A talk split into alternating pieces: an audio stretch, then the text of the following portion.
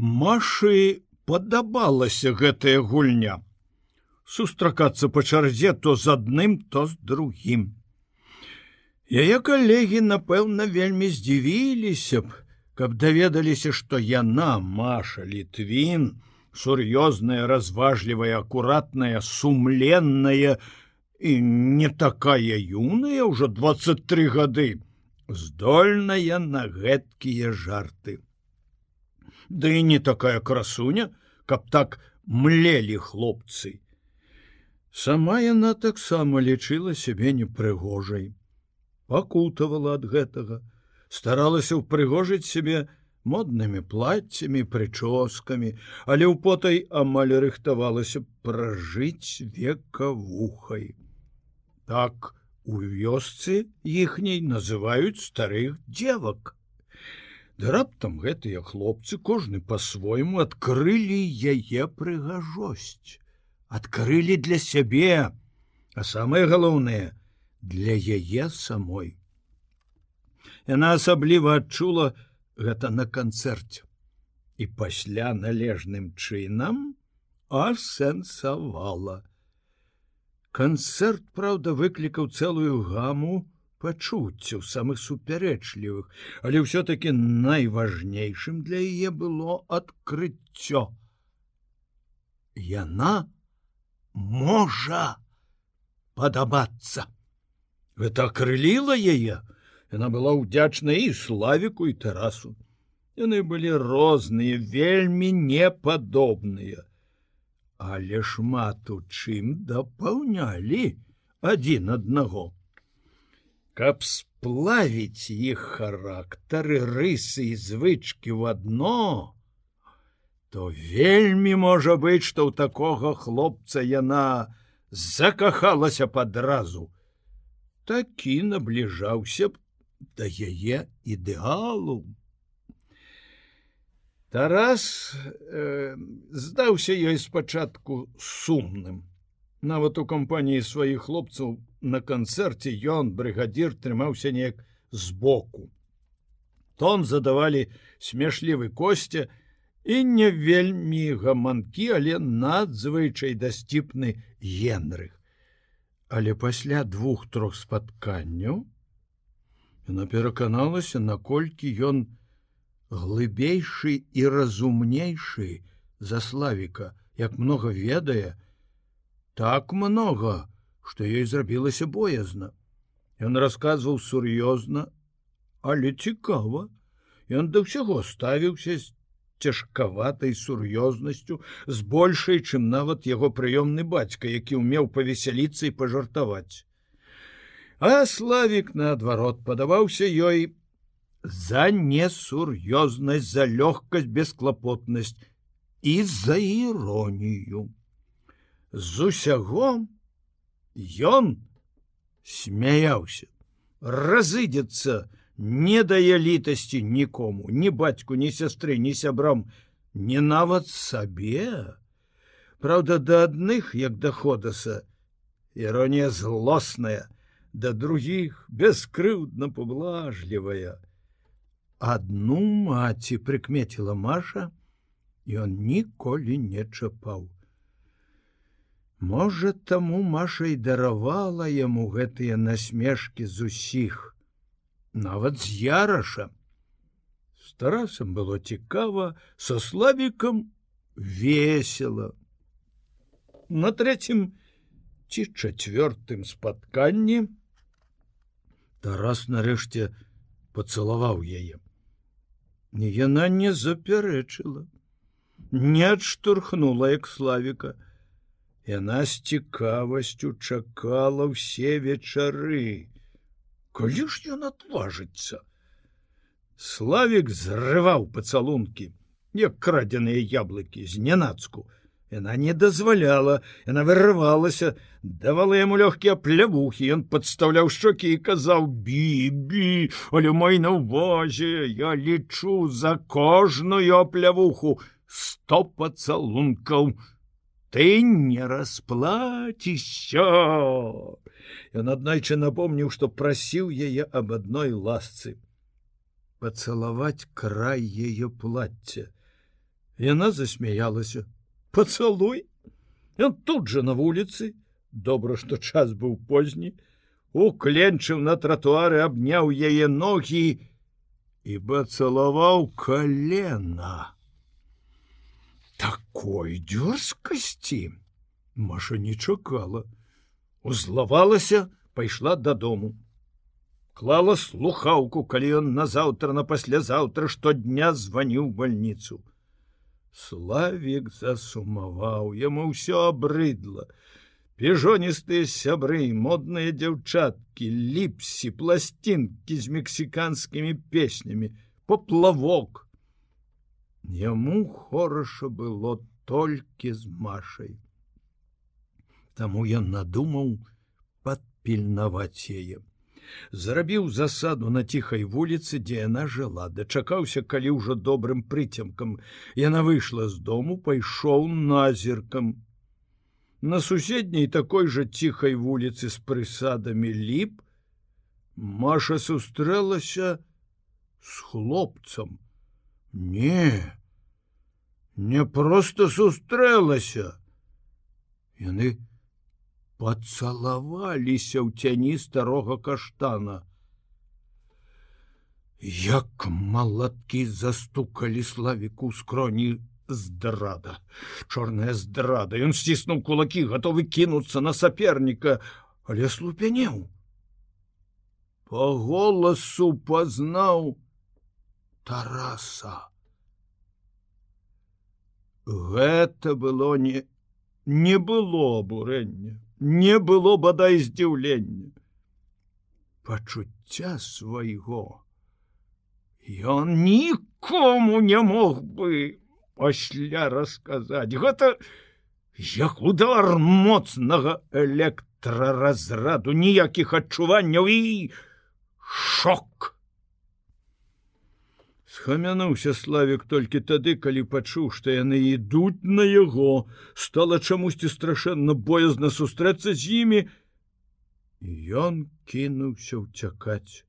Павярнуў нейкі завулак выйшаў на другую вуліцу калі прыйшла злосці прага помсты ён вярнуўся назад але не знайшоў іх Згараючы ад рэўнасці і крыўды падумаў, што яна павяла яго да сябе.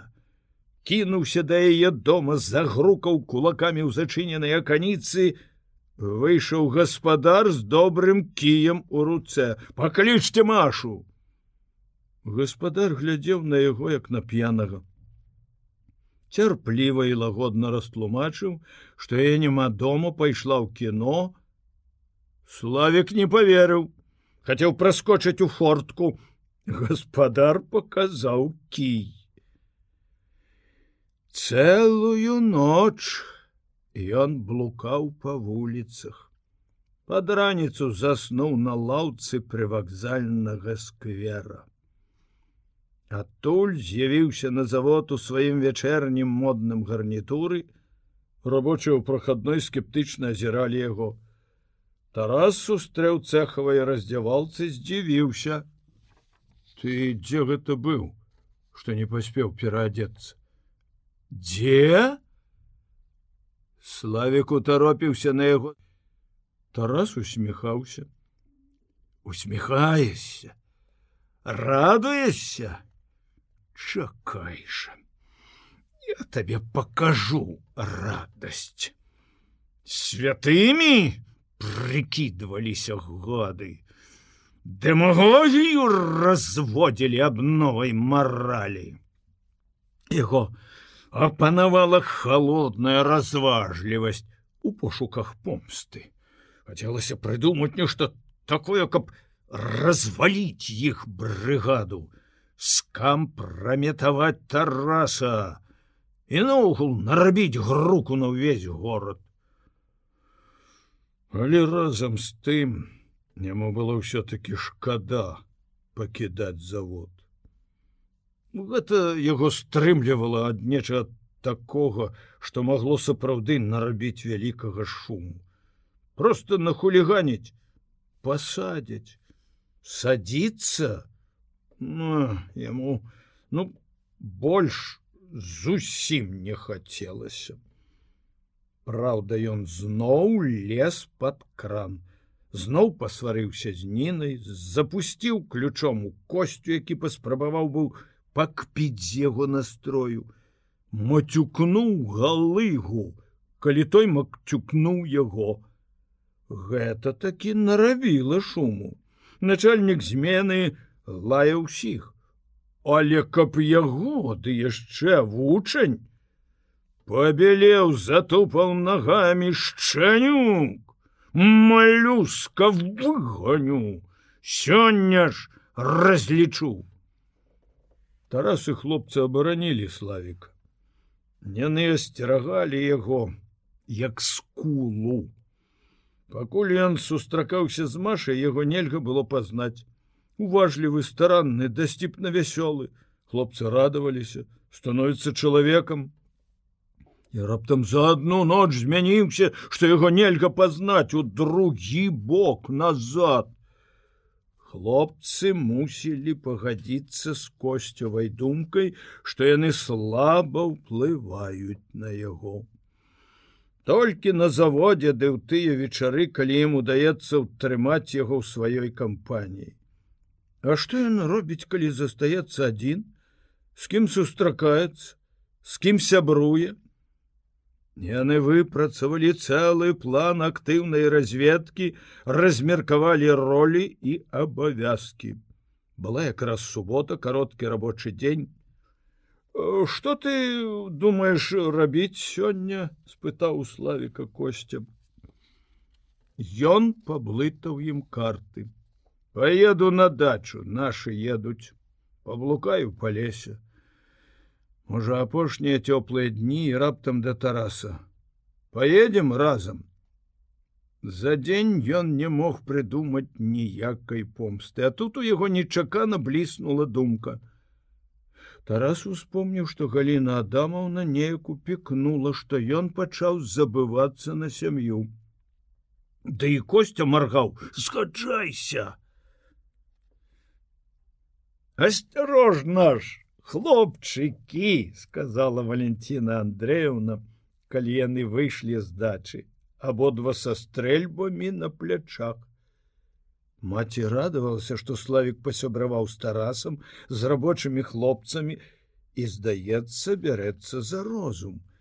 Цяпер яна згаджалася з мужам што трэба было адразу ўладкаваць хлопца на завод Валентина Андреевна доўга з замілаваннем глядзела ему след.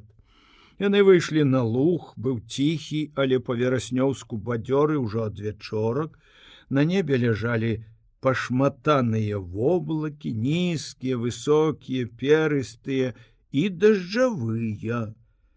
Быццам нейкая цэнтрабежная сіла разагнала іх у бакі да небасхілу. У зеніце ясна, а з бакоў блакет закрылі да гістарычныя кашлатыя звяры, знясіленыя ветразі, што павіслі пасля буры. Сонца засланіў вялізны аднагорбы вярблюд. Але праменні прабіліся паверх горба і пазалацілі воблака крыло.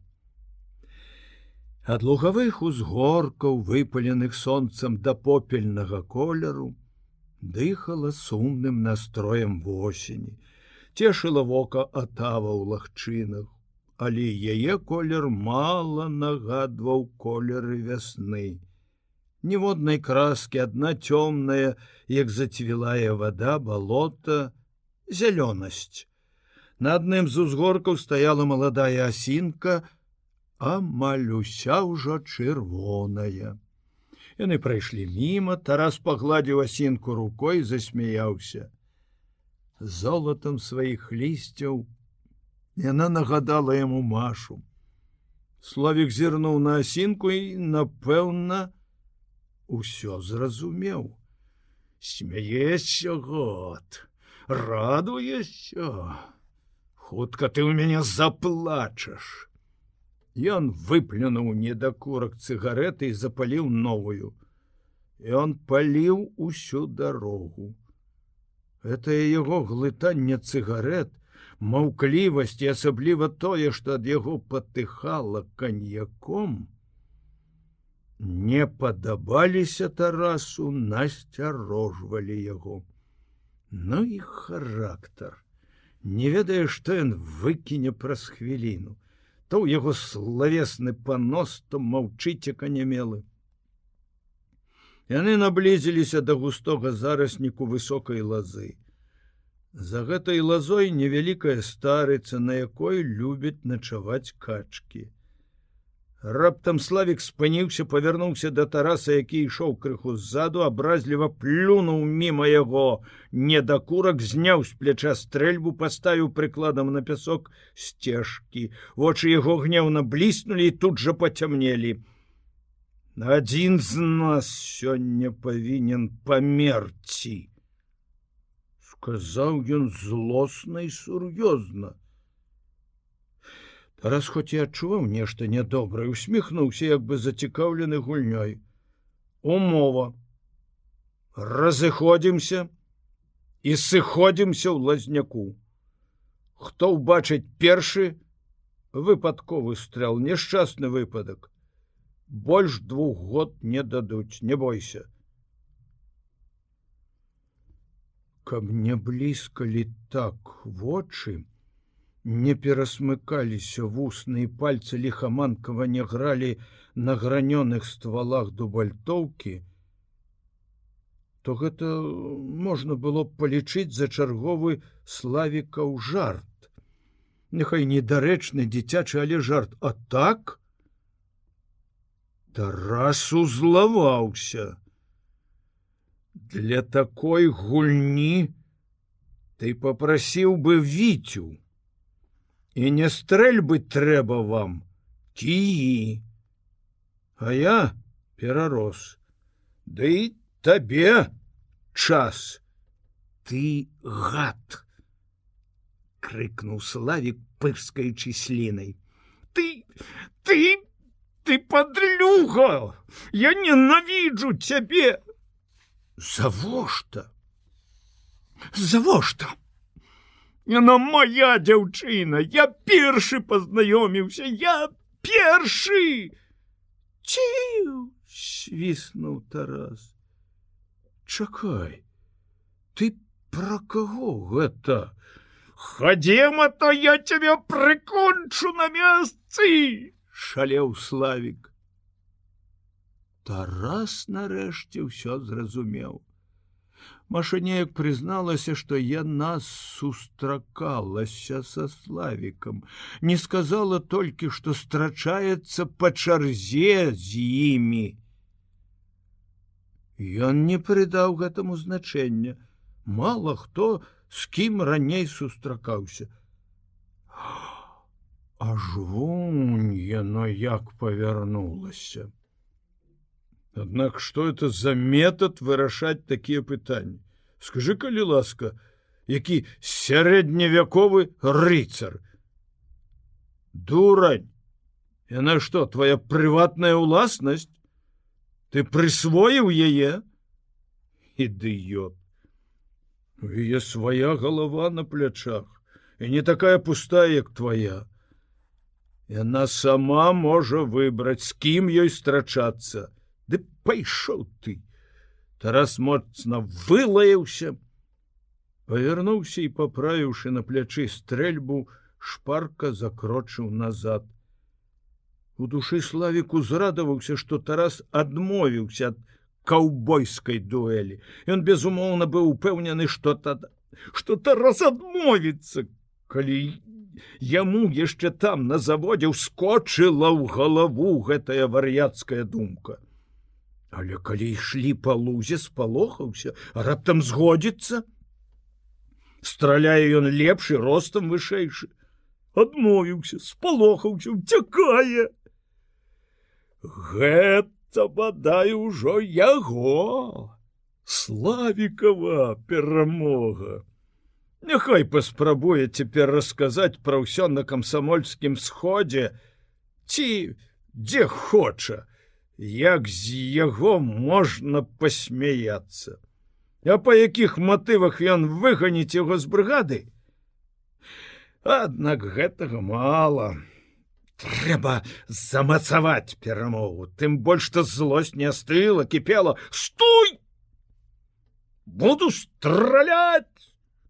Славіку скінуў стрэльбу і выпаліў у гору. Тарас уздрыгнуў.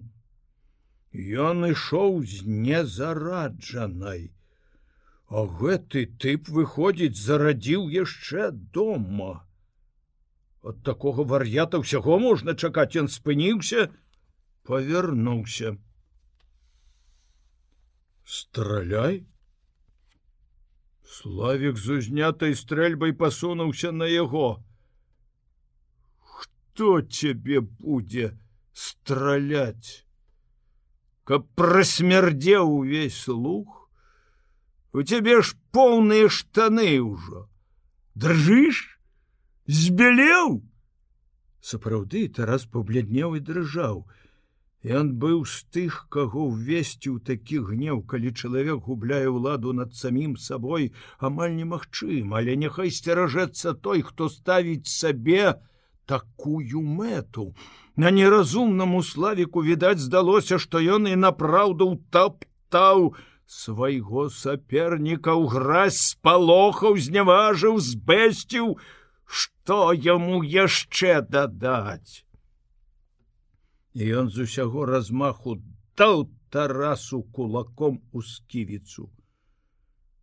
Той трохі пахіснуўся, адступіў на крок у бок, шырэй расставіў ногі крыва усміхнуўся. Хіба так б'юць. Здаецца, амаль не замахваўся, а славіка дляцеў крок крокаў за пять пляснуўся патыліцай на калючую сухую траву стрэльба вывалілася з рук подхапіўся і пеўнем кінуўся на тараса той даў яму ударыць сябе а потым зноў як бы і немоцным ударам спрактыкаванага баксёра адкінуў яго яшчэ далей Славік завыў ад шаленства і не падхапіўся, а папоўз да стрэльбы. Тарас кінуўся на перарэз, падняў славіка, убачыў, як заплывае ў яго падбітае вока, спытаў: « Хопіць, ці яшчэ? Славік да крыві пракусіў яму руку. Тарас за гэта аддзячыў яго. Дзвюма лёгкімі аплявухамі без удару ўжо адкінуў у лазняк. Схапіў яго стрэльбу і адбег схаваўся ў кустах. Славік не кінуўся шукаць яго. Сядзеў у лазе, закрыўшы далоняй падбітае вока і ціха скуголіў. А злосці, крыўды і болю. Валентина Андреевна жахнулася, убачыўшы тараса з дзвюма стрэльбам, а славік кінулася яна насустрач. Ляжыць там, як ляжыць я набіў яму морду не умея абыходзіцца са стрэльбай ледь не подстрэліў мяне Маці глыбока ўдыхнула холоднае вечэрняе паветра і тады толькі пачула што сэрца няроўнымі штуршкамі пагнала гарачую кроў пахаладзелыя ногі што ў вас здарылася там тарас нічога ён раскажа адмахнуўся тарас перадаўшы валенціне Андрею не стрэльбу. Але размову пачула Наташа, ускочыла ў пакой, паведаміла бацьку і маці з захапленнем Тарас набіў славіку морду. Што ты верзеш, абуры, Што ты верзеш, абурылася Галіна Адамовна. Малая сустрэла брата на парозе, павісла на шыі. Трасок, раскажы, як ты вучыў яго страляць кого кого славіка тараса не меў ці не сачыла за імі Наташа. Гэтая праныра прасілася на паляванне. Вось яшчэ не хапала такой светкі. Божа мой пляснула далонямі Гліна Адамовна, Ды ў цябе распухла шчака, што здарылася. Падняўся з качалкі Антон Кузьміч, падышоў, павярнуў сына да акна, лёгка свіснуў, здзівіўся. Нічога, сілу мае. Баліць? У панядзелак зробім здымак, каб трэшчыны не было. Бацька нічога не распытваў, як заўсёды, Ён чакаў, спадзяваўся, што сын раскажа сам. Тарасу зрабілася раптам страшэнна брыдка на душы і сорамна. Быццам гэта ён зрабіў нешта вельмі ганебнае. Каб можна было нікому не расказваць забыцца і нават не ўспамінаць. Але нельга. Ён не умее зманіць бацьку. Можна праўда змаўчаць. Але сітуацыя такая што гэта напэўна выкліча падазронасць Не трэба, каб з'яўлялася падазронасць, яны сябры, нарэшце толькі ён яраш можа парадзіць, як яму паводзіць сябе далей з гэтым няшчасным шалапутам. Хадзем тата, пагуляем. Я маю табе нешта расказаць.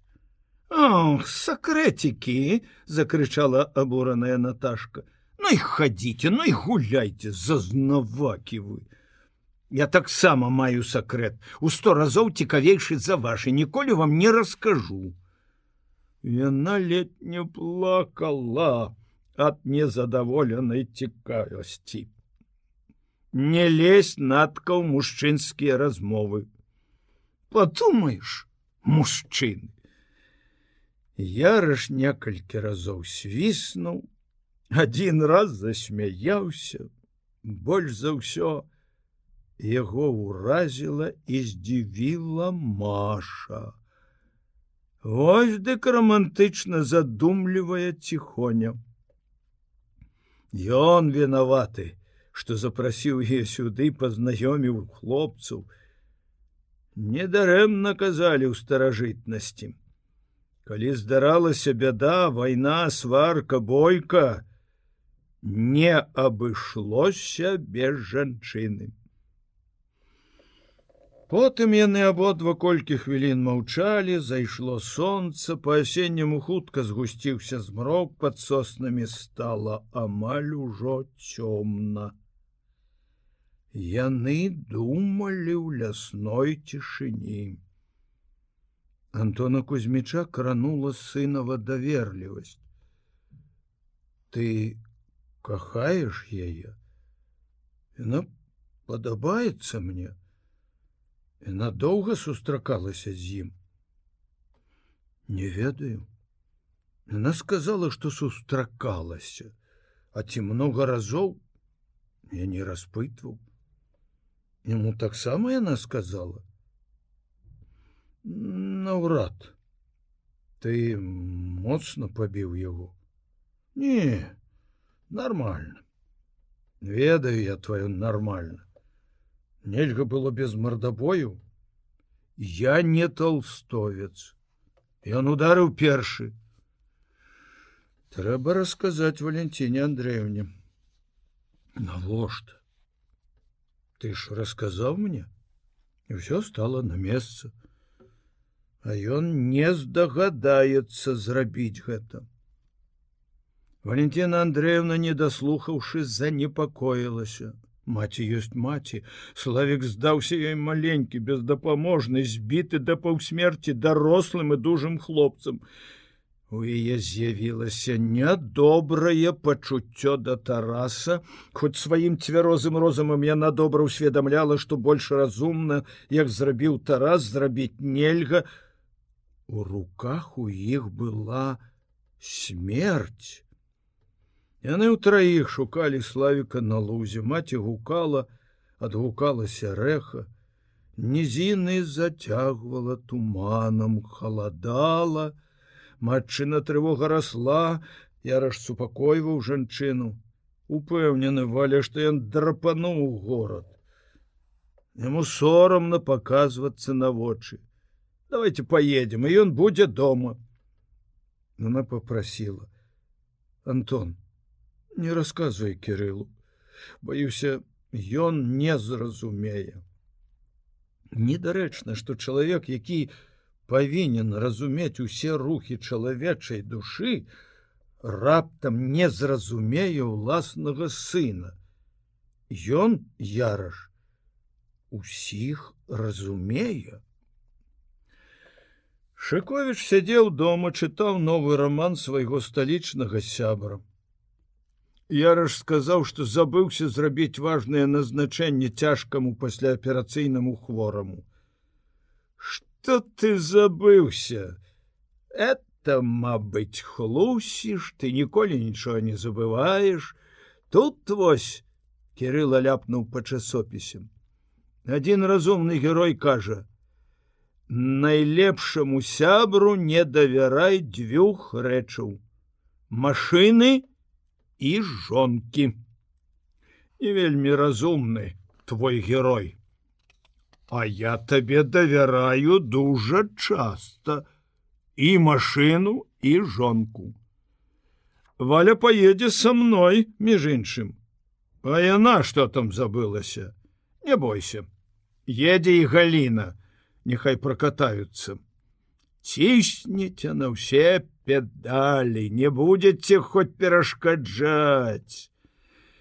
Антон Кузьміч не мог не ўзяць жонкі, бо добра ведаў, што спакойнай галіна не будзе. Ведаючы, што ён паехаў у ноч з жанчынай, хоць гэтая жанчына і Валенціна Андрэевна, жонка сябра, маці дарослых дзяцей. Валентина Андреевна супакоілася толькі каля дома, калі ўбачыла, што вокны кватэры асветлены. У е быў свой ключ, она ўвайшла непрыкметна, заглянула пра шкляныя дзверы ў пакой.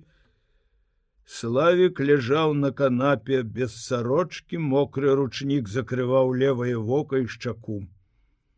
На подлозе стаяла раскаркаваная бутэлька дарагога каньяку. Быў уключаны прыёмнік, далёкая спявачка даволі прыемным мецца сапрана спявала на чужой мове сумную песню. Славік ствараў сабе настрой. Яму хацелася, каб была роспач, душэўная дэпрэсія, каб зарабіўся ненавісным увесь свет. Але такі настрой не прыходзіў была праўда злосць заставаўся боль. Але недзе ў мазгавых глыбінях цяплілася думка што ўсё скончылася для яго не так ужо дрэнна. Жыла недзе побач са злосцю. Ранейшая павага да тараса разам з тым яму хацелася пераканаць сябе што ён завёў брыгадзіраў больш няёмкае становішча чым апынуўся сам. Няхай паспрабуе растлумачыць мой невыхад на работу Але тут жа зноў закіпала злосці на тараса і на машу. Зноў пачыналася напружаная работа разгарачанага мозгу. Як ну як адпомсціць ім. Потым з'явілася думка, што ўчынак яго наімны. Больш за ўсё ён баяўся наіўнасці і сентыментальнасці і сэрца пачалі апякаць дробныя і непрыемныя іскры сораму. Гэта бадай было самае пакутлівае пачуццё. Ён тушыў гэтай іскры маленькімі глыткамі каньяку. не расплючваючы вачэй ён працягнуў руку по бутэльку і раптам адчуў што хтосьці забраў бутэльку з-пад яго руки ён падхапіўся з прымхлівым страхам. Каля канапы стаяла маці. Мама! Ізноў упаў на подушку Валентина Андреевна поставила бутэльку на стол, подсунула кресло, села побач, як каля хворага. Поглядела ў яго здаровае вока, моўчки адгарнула ручнік, разглядела сіняк. Не глядзі так, мама, попрасіў славик Божаму, які ты малы яшчэ і дурны. Ну калі ты ў мяне паразумнееш?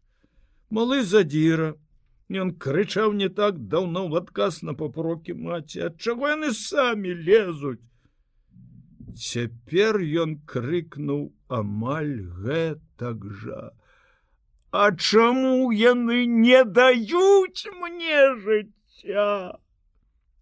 Хто табе не дае жыцця? Усе!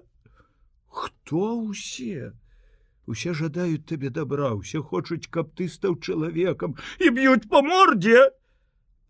А ты хацеў каб стралялі? Дурань. Скажи дзякуй. Яна поднялася ў злосці і пайшла на кухню захапіўшы каньяк. Славик зразумеў что маці все ведае. Тарас расказаў это страшэнна ўразіла выходзіць тарас мог адразу просто так вось пра ўсё расказаць можа смяяўся нават смяяліся ўсе разам яраш бацька маці малая наташка. Дуэль здалася цяпер да дзікасці наіўнай сорам пеканул жаркім полымем. Славик закрыў увесь твар мокрым ручніком.